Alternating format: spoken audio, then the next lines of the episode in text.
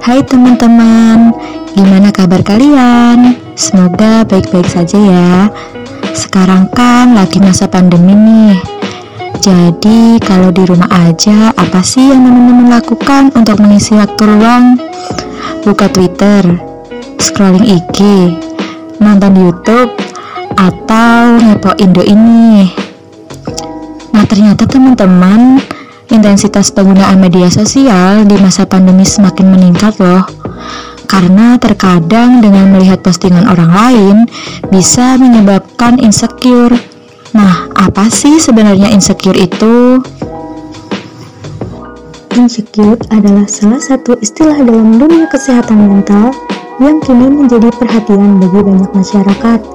Kata insecure sendiri menjadi sering diucapkan oleh orang-orang yang biasanya sedang merasakan kecemasan terhadap suatu hal. Bukan hanya itu, insecure juga kerap diucapkan ketika seseorang merasa tidak nyaman dengan dirinya sendiri atau suatu situasi. Dalam hal ini, dapat dikatakan bahwa semua orang pasti pernah merasakan insecure. Bahkan disebutkan bahwa insecure adalah perasaan yang normal terjadi pada setiap orang.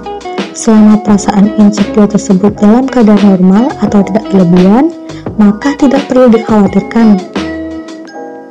Namun, jika perasaan insecure sampai berlarut-larut hingga mengganggu aktivitas keseharian dan kondisi kesehatan, maka kondisi ini tidak boleh diabaikan begitu saja.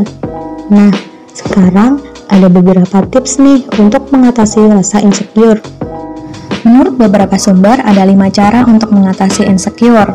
Yang pertama adalah jadilah sahabat untuk diri sendiri. Nah, jadi kamu tidak perlu menunggu orang lain. Dengan kamu bisa menjadi sahabat untuk diri kamu sendiri. Katakan hal-hal yang baik pada diri sendiri yang bisa memulihkan kepercayaan diri. Seperti misalnya dengan berkata, "Terima kasih telah berusaha, besok kita akan coba lagi." Yang kedua adalah tinggalkan teman toksik yang sering menjatuhkanmu. Sadar atau tidak, teman yang toksik ada di sekitar kita. Mereka yang kerap melontarkan komentar-komentar negatif yang membuat kita insecure. Memiliki teman toksik tidak membuat kehidupan kita menjadi lebih baik, namun justru sebaliknya. Mereka akan membuat kita insecure dan overthinking sepanjang waktu. Jika kamu memerlukan saran dan dukungan, pergilah ke orang-orang yang mendukungmu dan memberikan komentar yang positif. Yang ketiga adalah terima kondisi diri sendiri. Yang ketiga ini adalah self-acceptance yang sangat penting dalam hal mengatasi insecurity. Tanamkanlah dalam diri kamu jika setiap orang terlahir istimewa dan berbeda-beda. Pandanglah diri kamu, jiwa kamu, ada bagian yang sempurna, ada yang kurang sempurna, dan itu adalah bagian dari diri kamu. Beri diri kamu jaminan, beri diri kamu kasih sayang, Peluk semua bagian diri kamu dan lihatlah keindahan di dalamnya. Mereka adalah apa yang membuat kamu menjadi diri kamu yang utuh. Cara yang keempat adalah berhenti membanding-bandingkan dengan orang lain.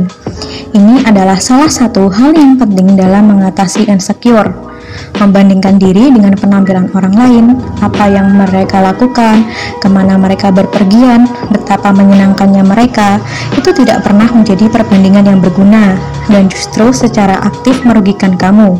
Sebaliknya, saat kamu melihat orang lain, alih-alih membandingkan diri dengan mereka, ikutlah berbahagialah karena mereka bersenang-senang, bergembiralah atau atas kesuksesan mereka. Setiap orang punya jalur masing-masing.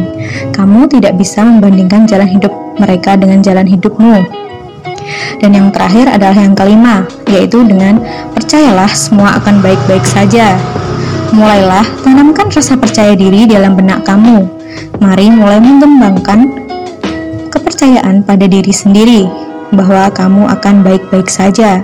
Kamu bisa membuat sebuah prediksi kecil tentang sebuah peristiwa, dan percayalah bahwa kamu akan baik-baik saja. Nah, itu tadi penjelasan mengenai insecure dan bagaimana cara mengatasinya. Untuk kesimpulannya, saya mengutip dari kata-kata Mary Riana yang mengatakan bahwa kamu berharga. Kamu itu sungguh berharga. Tidak peduli apa pun kesalahanmu, kekuranganmu, ataupun masa lalumu, kamu itu tetap berharga. Nilaimu bukan dari jumlah follower, bukan dari jumlah like, atau dari nilai IP kamu. Namun, nilaimu melebihi itu semua.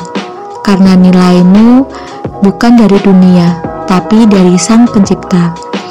Percayalah, Tuhan tidak menciptakan makhluknya untuk menjadi sia-sia. Kamu adalah sosok yang unik dan hanya ada satu di dunia ini kamu layak untuk dicintai, dan untuk itu tersenyumlah dan sadarlah bahwa aku, kamu, dan kita semua sangat berharga.